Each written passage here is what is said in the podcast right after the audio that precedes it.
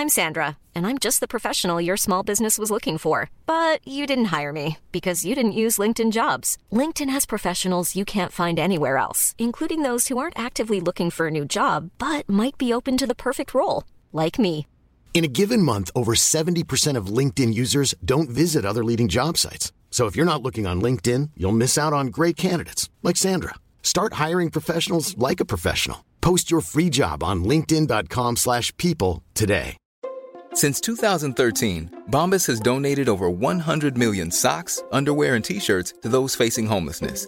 If we counted those on air, this ad would last over 1,157 days. But if we counted the time it takes to make a donation possible, it would take just a few clicks. Because every time you make a purchase, Bombas donates an item to someone who needs it. Go to bombas.com slash ACAST and use code ACAST for 20% off your first purchase. That's bombas.com slash ACAST, code ACAST. Many of us have those stubborn pounds that seem impossible to lose, no matter how good we eat or how hard we work out. My solution is PlushCare.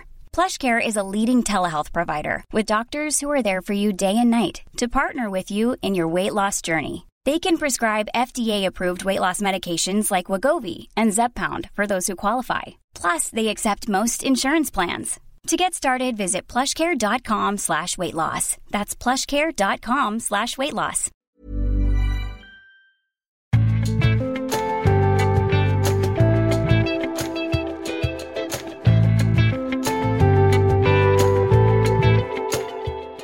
Derfor ble Ulest-podkasten en suksess.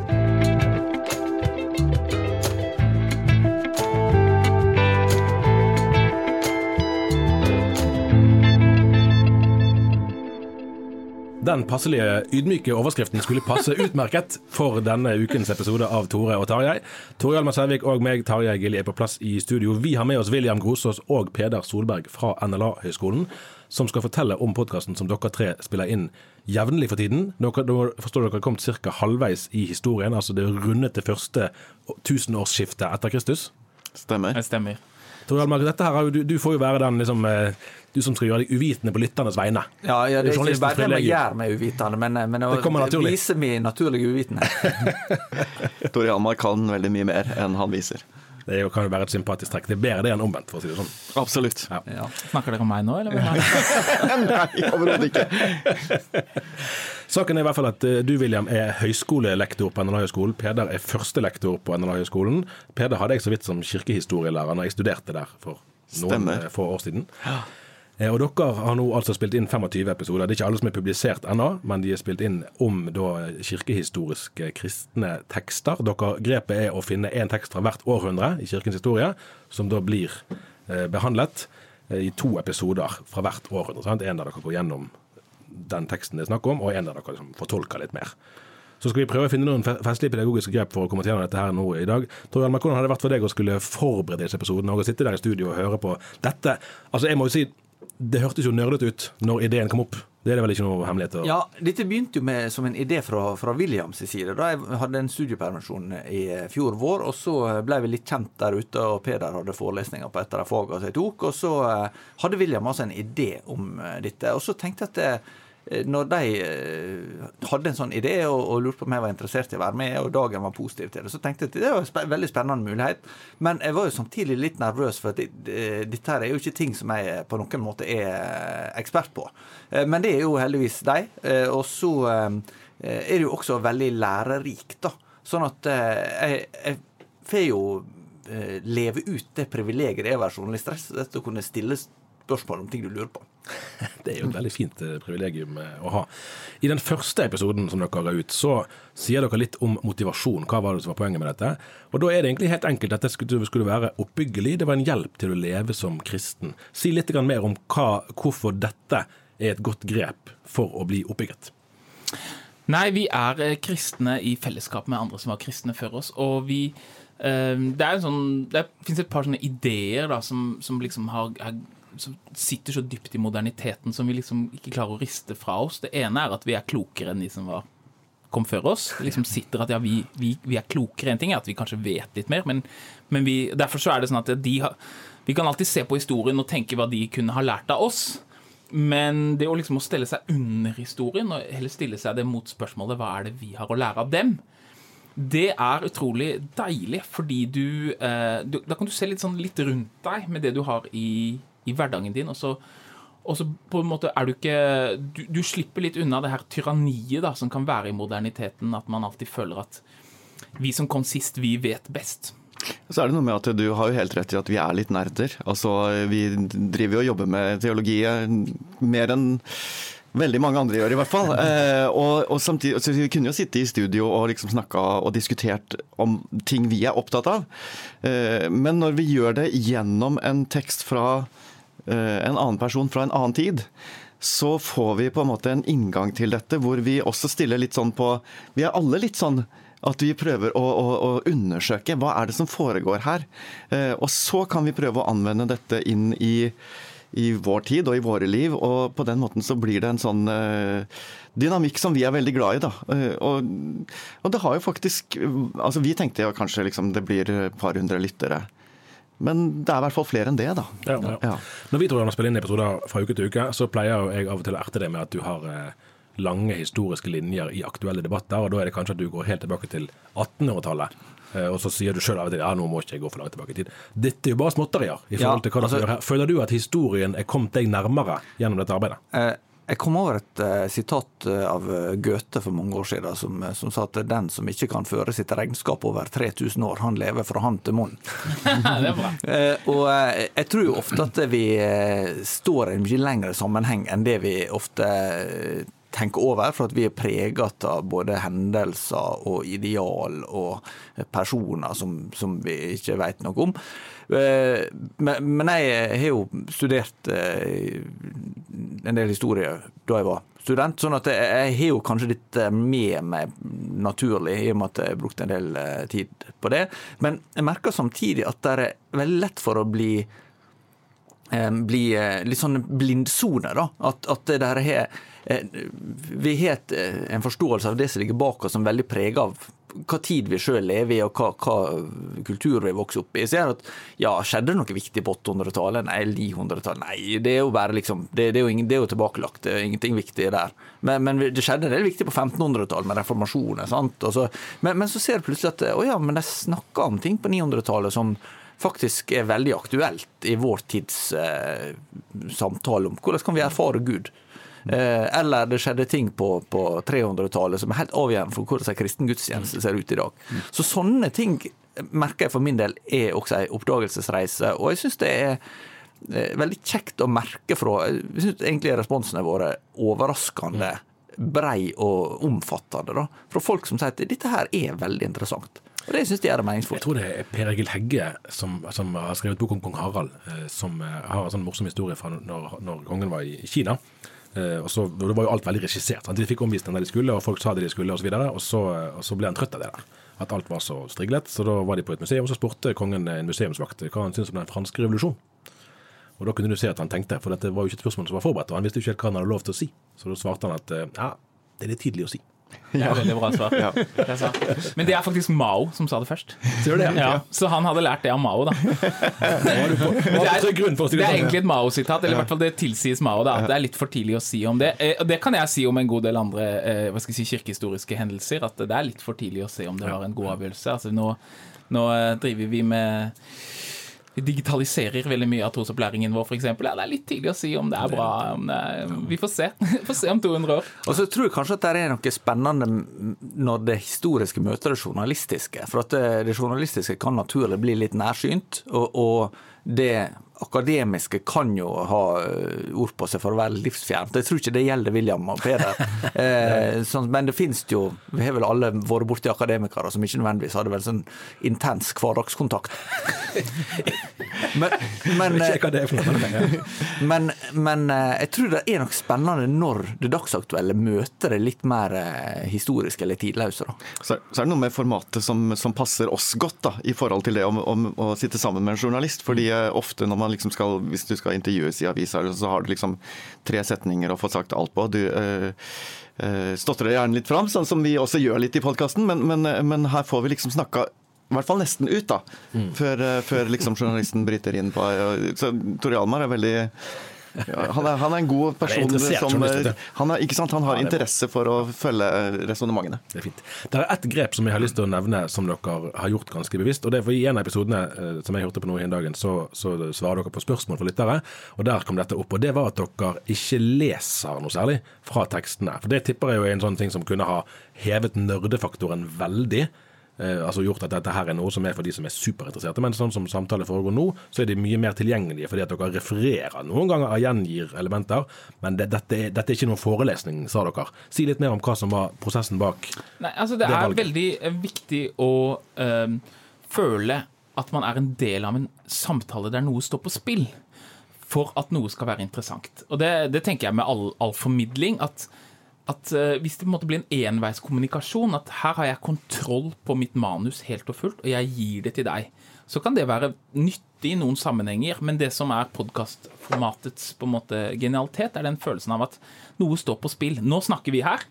Og hva vi snakker om om fem minutter, det vet egentlig ingen av oss. ikke sant? Og det er litt spennende, fordi jeg kan hende at jeg får informasjon om ett minutt som jeg ikke hadde før, og som jeg kan lære noe nytt av. Og det som er den gleden av å lytte til, til samtaler, det er jo når samtalen beveger seg videre. Jeg lærer i løpet av samtalen, i løpet av podkastepisoden. Det har skjedd mange ganger at vi Jeg sitter og hører på Peder og hører på Tore Halmar, og så har jeg lest selv, og så snakker vi.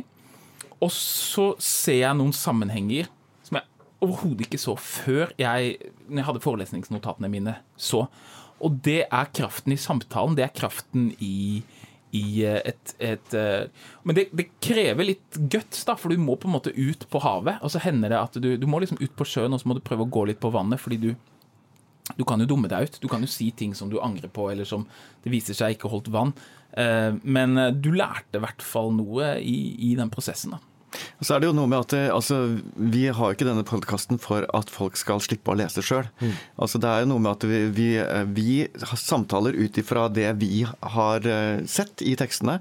eh, Og har også lyst til å bidra til at folk sjøl blir nysgjerrig på å finne disse tekstene fram. og, og og se hva som skjer når de møter tekstene. ikke sant? Eh, Og på en måte deltar i vår samtale med tekstene. For vi har jo alle hver vår eh, tolkning og utbytte av de tekstene vi jobber med.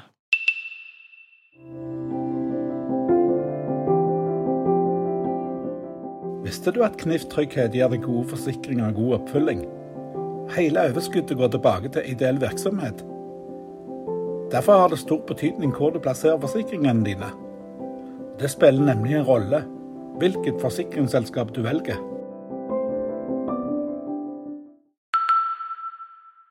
Da skal vi gå litt mer inn i materien, og nå tror jeg dette her kan bli ganske gøy. For det, vi skal gjøre nå, er å prøve å, å hente Altså plukke ut noen nåtidige personer, og så prøve å finne kirkehistoriske paralleller. Ok. Eh, og da begynner vi med en person som jeg Tor Hjalmar, du har jo kjøpt en ny bil, eller gammel bil, rettere sagt. Jeg har kjøpte meg- brukt bil, selvsagt. ja, nettopp. ja, Som den sunnmøringen du er. verditap er jo i stor grad tatt Jeg var jo så dum at jeg kjøpte meg en ny bil eh, i fjor, i strid med alle mine prinsipper. Og jeg kjøpte jo til og med en bil som, eh, som Elon Musk eh, indirekte står bak. Og da begynner vi der med å spørre hvem er kirkehistoriens Elon Musk? Hvem er kirkehistoriens Elon Musk? Altså, der snakker vi om en person som finner opp ting, som får ting til å skje, eh, og som er litt sånn eh, eh, Self-made man, ja. Hvem er det som, som eh, vi, Tidligere så tror jeg vi nevnte at, at eh, Jeg tror vi brukte uttrykket at Kyrill av Alexandria er en sånn self-made man som liksom Som kommer opp med ting, og som, og som er liksom uh, Når er vi nå i The hero of the town. Nå er vi på 400-tallet. Ja. Så Kyrill av eh, Jerusalem Nei, Nei, Alexandria. Det er, alle heter det samme. ikke sant? Sånn Kyrill og Gregorius og Gregorius og Kyrill og Metodius. Og. Men, men du har jo også andre personer. For eksempel, eksempel har du på, på 1100-1200-1300-tallet så har du et par sånne utrolig gode organisatorer som setter i gang liksom sånne vekkelsesbevegelser. da. For eksempel har du en person som, som eh, Bernard Clairvaux, for eksempel, som er utrolig arbeidsom, og som han reiser rundt i Europa. og det er sånn Når han kommer, så må du, passe, må du låse sønnene dine i kjelleren, liksom, fordi de kommer til å ville gå i kloster og være med han. For han, han han får det til å skje, ikke sant? Men så er det en sånn der, eh, dobbelthet med han. Som, det er jo noen som kan kjenne litt den dobbeltheten mellom Musk. At han liksom Ok, Bernhard eh, var veldig for korstogene, da, for eksempel. Så eh, ja, kanskje, kanskje jeg ender med å si at det kanskje Bernhard er clever òg, da. Jeg tror det er en det, det, er, det er en match. Ja. Ja. Men er det å være en kirkelig innovatør, er det et udelt gode? Nei, altså det er jo eh, flere av disse som vi har snakka om i, i podkasten allerede, som er veldig opptatt av at de, de sier jo ikke noe nytt. Og det er på en måte i utgangspunktet så er det det de forsøker å ikke gjøre. De prøver å si det samme som eh, de kristne før dem har sagt, og de store kristne tenkerne før dem har sagt, og eventuelt bare utlegge dette. Eh, Så det å Altså det er gjennom store deler av kirkens historie så er det liksom det å, å, finne opp noe nytt, det er per definisjon eh, Hva skal jeg si ganske suspekt, da. Ja. Men, vi eh, men eh, det er ikke podkasten Intet nytt. Intet nytt. Ja, vi det. nytt, Vi fikk masse dårlige klager på det. Men, men eh, så kan man si, har, har Elon Musk laget noe nytt? Ikke sant? Han bruker, og det er jo det som er den, den gode teologien. Ikke sant? Han, han bruker ressurser som du har tilgjengelig, og så prøver man å se ting fra et nytt fra et nytt perspektiv, da. Så, Han kaller eh, bilen sin Tesla, ja, og, ja. som jo også er på en måte å knytte seg til en tradisjon. Mm, det det. Ja, hva er det det betyr igjen?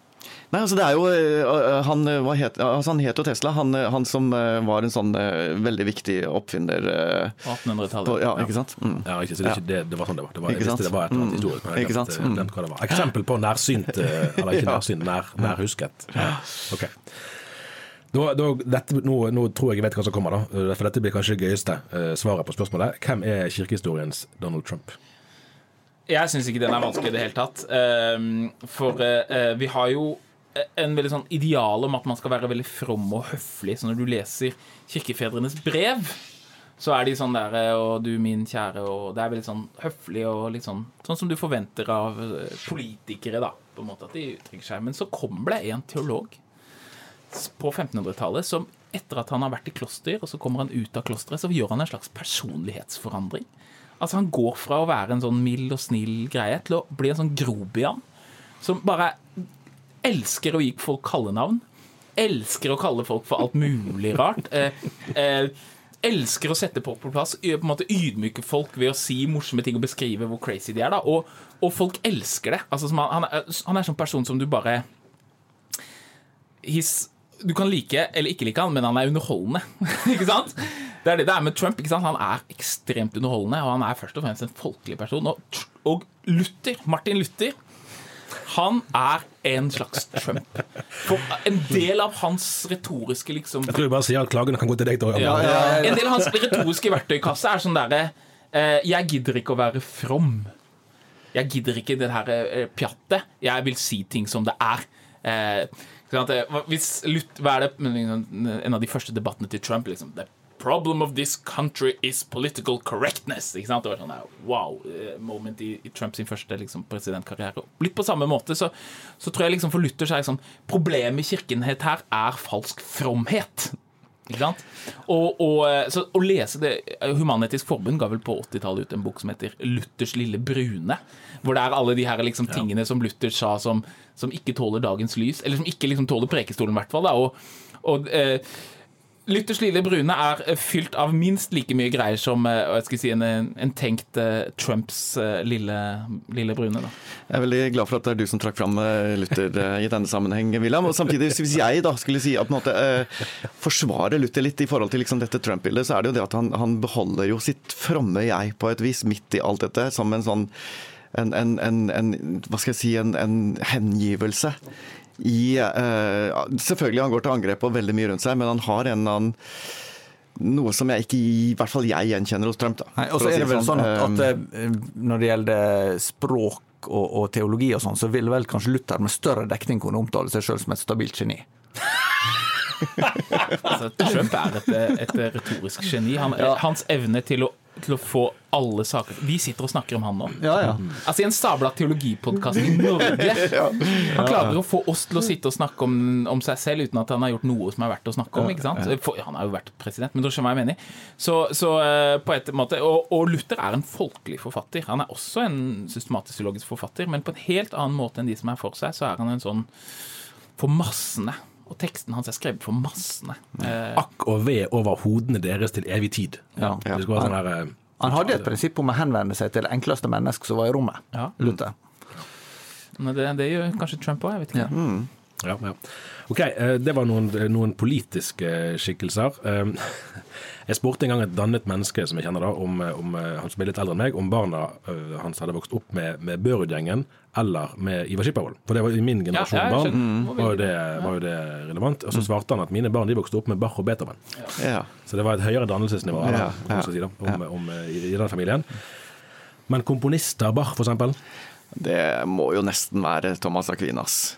Altså, eh, Thomas Aquinas har liksom den posisjonen i teologihistorien som Bach har. Altså, du kan ikke snakke om musikkhistorie uten å komme innom Bach, og sånn er det med Thomas Aquinas. Han er på en måte en sånn Da er vi knytter på- Da er vi på 1200-tallet. Uh, Men han er liksom en som knytter alle linjer bakover. Uh, Stumme oksen. Blant ja, ikke sant? Som også er litt av den samme, altså litt tilbakeholden personlighet. Altså Bach var jo en som ikke reiste rundt i hele Europa og fikk masse applaus, sånn som Händel gjorde, sant? men som på en måte var Han var en kirkens tjener.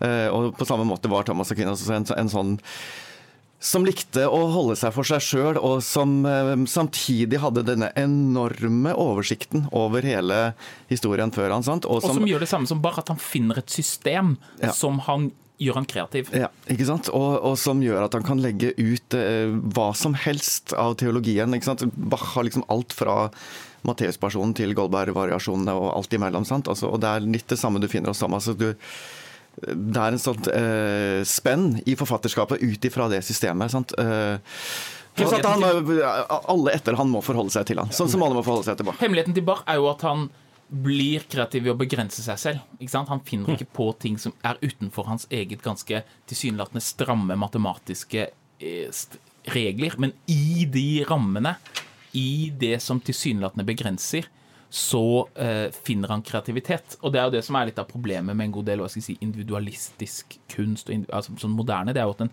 Når du alltid skal lete innover i deg selv, og ja, jeg skal bare være autentisk, så ender det opp med noe som er veldig lite kreativt. Det ender opp med å bare være en blank flate med, med, med noen grå, nyanser av grått. Fordi du ikke har det er, det er rammer som, det er sånn paradoks. Det er rammer og begrensninger som skaper kreativitet. Og Thomas Aquinas, han tilsynelatende kan han føles som en veldig sånn der stram og begrenset teolog, for han har et veldig klart teologisk rammeverk for hvordan han vil drive, hva slags mønster han vil ha. Men det er midt i det så oppstår det en type eh, kreativitet som, som, eh, som Peder sier, som vi vi kan være lutheranere, men vi må forholde oss til det. Men, men også han sa vel på sluttet av livet at eh, det han hadde levert, var bare strå. Altså at han hadde en slags erkjennelse av at i møte med, med Guds måte, virkelighet, så var dette veldig begrensa. Han hadde en gudserfaring som gjorde at han følte at alt det han hadde sagt om Gud, det er, liksom, det er bare menneskelig preik. Eh, Så det er også interessant i forhold til eh, Som en sånn, hva skal jeg si eh, Apropos da, til oss teologer, som er veldig glad å snakke om teologi i alle dets fasetter. Altså, eh, Thomas hadde den, eh, den opplevelsen av at eh, når det kommer til å snakke om Gud, så skal man også egentlig først og fremst være stille. Men også en, en slags enden av visa at nå fins det ikke nå, finnes liksom Ordene har sin begrensning, og det er veldig forskjell det er vel Thomas Mørten eller sånt, det er veldig forskjell på å si de ordene etter at du har brukt all din kraft og all din energi på å forsøke å forstå troen, og å si det liksom av latskap eller Ja, av et eller ja. annet sånt. Da, og, og han kan Det gir troverdighet at Thomas sier det fordi han står der han står. Han har på en måte Han har gått hele løypa og lett i sin tanke og sin, sin erfaring etter måter å snakke om Gud på. Og når det, liksom, det er uttømt, så står han igjen der, og så er det bare det, det levende nærværet i, i, den, sti, i det stille suset. da. finner vi eh, altså moderne forfattere, Knausgård eller Fosse, da? Er det noen gjenklang? Eh, eh, Absolutt. Altså, Fosse har jo noe av dette, altså denne eh, ærefrykten for mysteriet, som er en sånn, sånn nerve i, i hele hans forfatterskap, egentlig. Eh, Og særlig etter hvert. Så, Personligheten til Fosse er jo Han er liksom standard. altså En sjenert fyr som ikke liker å snakke høyt, og som blir nervøs, og, og som gjemmer seg litt i, eh, i eh, Du vet ikke helt hvor han er. Det, er jo, det fins jo selvfølgelig eh, altså kanskje man, ja, Det er kanskje drøyt, men eh, Gregor Nassians har jo litt av det, det samme igjen. At han, han vil ikke, ikke sant? Hva er det Fosse er kjent for? Han, han skulle lese første gang i Festspillene. Det var skalv, han var kjempenervøs, han, han hater å lese høyt. Og han liksom og han vil, liker ikke så godt å reise rundt og sånne ting. Og Gregor Nassians hadde litt av dette her, at han, han skrev, og han skrev dikt, og han hadde et rikt indre liv, men den, liksom her, den ytre tjenesten der folk skal se på meg, og jeg skal høre sånne ting, det var noe som han egentlig ikke likte. det. Så kanskje vi kan sammenligne Jon Fosse med Gregor Nassians. Ja, og det går også en teologisk linje der i forhold til Gregor Nassians opptatthet av det vi kaller det apofatiske, altså det at eh, hva du ikke kan si om Gud. Ja. Samtidig som, som, som, som eh, som han nok sa mer teologisk eh, presiserende om Gud også, enn det kanskje Fosse vil gjøre. Ja, Og da er vi på 300-tallet. Ja. det Sånn det er bra journalisten kunne Jeg, har jo, liksom- jeg lagde jo en liste en gang over, eh, på, eh, på, på nettet, og jeg liksom prøvde å lage et fullt fotballag. da Ja, elver prøvde å sammenligne dem med ulike fotballspillere. For eksempel sa jeg at Augustin er som, er som Ronaldo. Han har masse fans, og noen av fansene hans er ikke så lett å like, men han er uten tvil nest en av de, historiens beste, og han har skåret masse mål, mens, mens eh, kanskje eh, den brasilianske Ronaldo, ja, det er kanskje Johannes Chrysostomos, for han, han var den predikanten som vant massene for Kristus. Men Lionel Messi, det er Gregor Anasians, som vi snakket om her. Han er sjenert. Han er den eh, Han er the goat, altså the greatest of all time, og han han eh, han, eh, han er kanskje litt socially awkward, ja. Kanskje litt. Man kan jo tenke at, at dette er en ren mannshistorie, men det er det jo ikke. Og dere, dere har jo flere kvinner som dere nevner i, i samtalene, og noen av de veldig viktige òg. Taylor Swift, er det en eller annen parallell der? Hvem er teologiens Taylor Swift, ja? Hva er Taylor Swift? Taylor Swift er jo Jeg kjenner jo ikke Taylor Swift, annet enn at hun er Hun er eh, eh, ekstremt eh, Hun er på en måte hvit middelklassekultur satt på en colaflaske og solgt det i massevare. Det er, sånn, så, det er jo ingen som kommer til å høre på musikken til Taylor Swift om 40 år. For det er jo ikke noe Det er jo veldig mye annet. Det er, det er en slags identitet til salgs. Du kan kjøpe deg en slags sånn Jeg er en fri og, og uh, ubekymret uh, dame i 20-30-årene. og og sånne ting. Så nå rakk jeg å fornærme Temus Swift-fan, det var ikke meningen. Men, men uh, hvem er det som kan ligne litt? Det fins jo en som heter Abelard, da. Som kanskje Som er jo en slags sånn En sånn kjendis på 1100-tallet. Utrolig dyktig eh, filosof. Eh, som er litt sånn eh, wobbly-bobbly teologisk, kanskje. Og som folk blir veldig misunnelige på. Som er liksom sånn der, Alle er interessert i han. Og ikke minst kjærlighetsforholdet han har til Heloise. Og det er litt samme som han Taylor Swift har jo nå et kjærlighetsforhold til en eller annen kjent sportsperson. Og liksom alle er interessert i å liksom vite noe om dette, uten at de egentlig uh, altså, Hva er det han heter? Kelsey? Travis Kelsey. Travis Kelsey, ikke sant? Ja. Men jeg- og Heloise er jo kjæresten til Abelard. Ja. Og det er jo en slags uh, den evige kjærlighetsforholdet. Men jeg liker at du, at du valgte da, for jeg er enig med deg egentlig, jeg valgte en mannlig representant for Taylor Swift. fordi det, altså, Av de kvinnene som, som fremhever seg i kirkehistorien, så må de på en måte for å hva skal jeg si, vinne frem i hele denne For det er jo en mannsdominert historie. Når vi leser alle disse tekstene, så er det de, de, de har bidratt med noe mer varig. ikke sant? Så, så det er vanskelig å finne en kvinnelig skikkelse faktisk, som er på en måte en sånn Altså øh, litt Altså, mer Menn sånn kommer eh, unna med å være drittsekker, men Ja. hvis kvinner skal på toppen, så må de være Det må være uh, bra støff, da. ikke sant? De må være liksom solide personer. Du kommer ikke unna med å være som Luther og være kvinne på 1500-tallet. Det er jo kanskje for så vidt også apropos til vår tids debatt om hva Ja, er kvinner kan tillate seg og ikke med Men Abelardo Heloise er en veldig kjærlig, kjærlighetshistorie. da, med Abelard som er så forelska i Heloise, og Heloise som, uh, som har en familie som er litt sånn skeptisk til, og alle er så misunnelige på Abelard. Og så er det noen fiender av han som er misunnelige på han, som kapper han penisen. Og så kan han aldri gifte seg med Heloise, og så skriver de kjær dempende kjærlighetsbrev til hverandre resten av livet. Hvor de drømmer om å leve sammen, men eh, de kan aldri få barn og gifte seg fordi Abelard er blitt eh, Evenuk, da. Evenuk pga. hans fiender. I episode seks og syv så snakker dere om Perpetua og Felicitas. eh, sant? Så Det er jo noen av de kvinneskikkelsene som virker Og der sier du, tror du William, i den episoden at, at det var kvinner som fødte barn, og slaver. Det var det som gjorde at kristendommen liksom Sant vokste veldig frem i begynnelsen der. Men da er jo, er jo denne kvinnen kjent mer for hennes liv enn for det hun skrev. Er det det som er realiteten, at de, at de kirkehistoriske kvinnene de har levd et liv Noen av det de. står for oss? Noen av de, og, og, og det er jo veldig få tekster av kvinner som vi har bevart. Så, det er, så, eh, så, men, så vi har jo bevart faktisk ikke sant, hennes dagboksnotater. Uh, selv om det ikke er så lang tekst, så, så, eh, så er hun en av de få som vi har bevart tekster av. Da. Og, men spørsmål, det er sånn samme ting. Hvor mange tekster fra 800-tallet fra 700-tallet er bevart? Ikke mange. Det er noen få. Det er liksom de som er de aller, aller beste. Og for å bli de aller, aller beste, så trenger du økonomisk frihet. Du trenger sosial frihet. Du, det er et par forutsetninger som skal til. Og å ha de forutsetningene ikke sant? Det betyr ikke at det ikke var kvinner som skrev gode ting, men å ha de forutsetningene å bli en Thomas Aquinas eller å bli en, eh, en Gregor Nassians, det er allerede veldig, veldig få. Det er ikke sånn at liksom hvem som helst kan bli en Gregor Nassians. Det er faktisk ikke sånt. Fordi du, eh, du trenger frihet til å kunne sitte og lese hele dagen i ti år.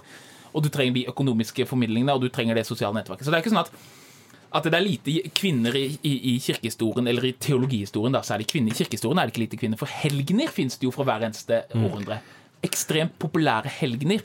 Helgenprinsesser, helgenslaver. Det det. Men av teologi, altså akademikere, så er det sånn at det er allerede et ganske lite utvalgt pool som kan bli sånne teologer, da. Eh, til slutt så lurer jeg på, eh, og der igjen kan jeg referere til noe som jeg tror du var det du som sa det, William, i denne introepisoden, at det var angstdempende. Ja, det slett, Å jobbe med denne tematikken. Og da lurer jeg litt på, Hvis vi tar utgangspunkt i der vi er, og der, den, måte, litt sånn som vi som journalister, og det gjelder jo for dere òg, men vi, vi har jo vårt helt sånn umiddelbare virke i det som skjer fra dag til dag. Eh, hvordan forstår dere eh, vår tid og, og det vi debatterer i vår tid, i et større perspektiv. Man vil jo gjerne føle at ja, men akkurat nå er det så spesielt, for nå skjer jo dette. Og det er jo helt enestående at nå snakker vi om samlivsetikk. Det er det vi har snakket om i 30 år, sant? og det dominerer debatten veldig. Hvor, hvor er vi på en måte i et kirkestort landskap? Er konfliktene dypere? Er de mer overfladiske? Er de mer eller mindre følelsesdrevne? Er det annerledes? Det er veldig vanskelig å, å, å hva skal jeg si, si hvordan man opplevde ting i tidligere tidligere historien også. Og jeg tror Til alle tider så har man nok følt at det er i vår tid det brenner. Eh, Så i den forstand så er det noe med at eh, vi tenker nok at vår tid er veldig unik, eh, men den er i tror jeg, veldig mye mer lik sånn som mange har opplevd det gjennom historien også. Så kan man liksom snakke seg gul og blå på liksom hvilke spørsmål var liksom dypere og viktigere og alt sånt. Det er klart at det er eh, jeg har i hvert fall ingen behov for å si at det ikke brenner i kirkene i vår tid. Eh, Og Samtidig så er det noe med å på en måte se disse spørsmålene også litt mer i lys av de lange linjene, og hvilke spørsmål som kanskje ligger under, og som vi egentlig ikke diskuterer fordi vi holder oss på liksom det, som, det som på en måte vekker mest følelser. Men jeg tror at veldig, veldig mange kunne hatt nytte av i vår tid å lese tekster fra andre tider og hva de var opptatt av, for også se hvor går linjene fram til vår tid når det gjelder de spørsmålene som, som på en måte kanskje bare er symptomer på de mer dypere liggende teologiske problemstillingene. Mm. Det er sant. Og, men jeg er ikke positiv på den måten. Jeg er ikke optimist på den måten. Vi er i en situasjon der kristendommens dype arv har vært utfordret og utvannet i de siste par århundrene. Og den prosessen kommer til å fortsette. Og, eh, men, men når skjedde det, liksom? Var det i 2008? Eller var det i 1978? Eller, mm. eller var det når var det liksom det skjedde? Hvor er vannskillet? Hvor er vannskillet? Ja. Og eh, det er et eller annet som skjer på 1600-1700-tallet, og som ikke sant, I en episode vi snakket om nettopp nå om, om, eh, om en filosofisk utvikling som kalles for nominalisme ikke sant, på 1000-tallet. Og så kan du si Var Europa noen gang kristent? Ja, men nei. I betydelsen at eh, det har aldri vært sånn at liksom det har vært en Selv om du kan få det inntrykket Ja, i Bergen på, på, i middelalderen så var det masse kirker, og kongen trodde på kristendom. Men, men, eh, men de hadde også blindsoner, og, og eh, Men det er i hvert fall sånn at vi Jeg har ikke noe som tro på at ok, det, nå snur det, eller at Det er, det er, eh, det er sånn at eh, kristendommen utfordres grunnleggende av teknologi, av måter å se verden på som er fremmed for den. Eh, Og det må vi på en måte akseptere og ruste oss til, da. Um, og for meg, ikke sant, det er sånn der, og nå er det så ille, ja. For eksempel, jeg er jo i norske kirke, jeg er vel den eneste her som er medlem av Den norske kirke. Ja, vi er to. Nei, Altså, dere, er dere er to. Jo, så det jeg, ja, jeg lærer noe nytt av det. Du må ikke si det til um... Nei da. Men eh, for 100 år siden hadde vi en, bed hadde vi en, en biskop i Norsk kirke som fornektet eh, oppstandelsen. Mm. Kristian Schjelderup i tidlige tider. Og det er sånn her, Hvor er det liksom Nå har vi nådd grensen.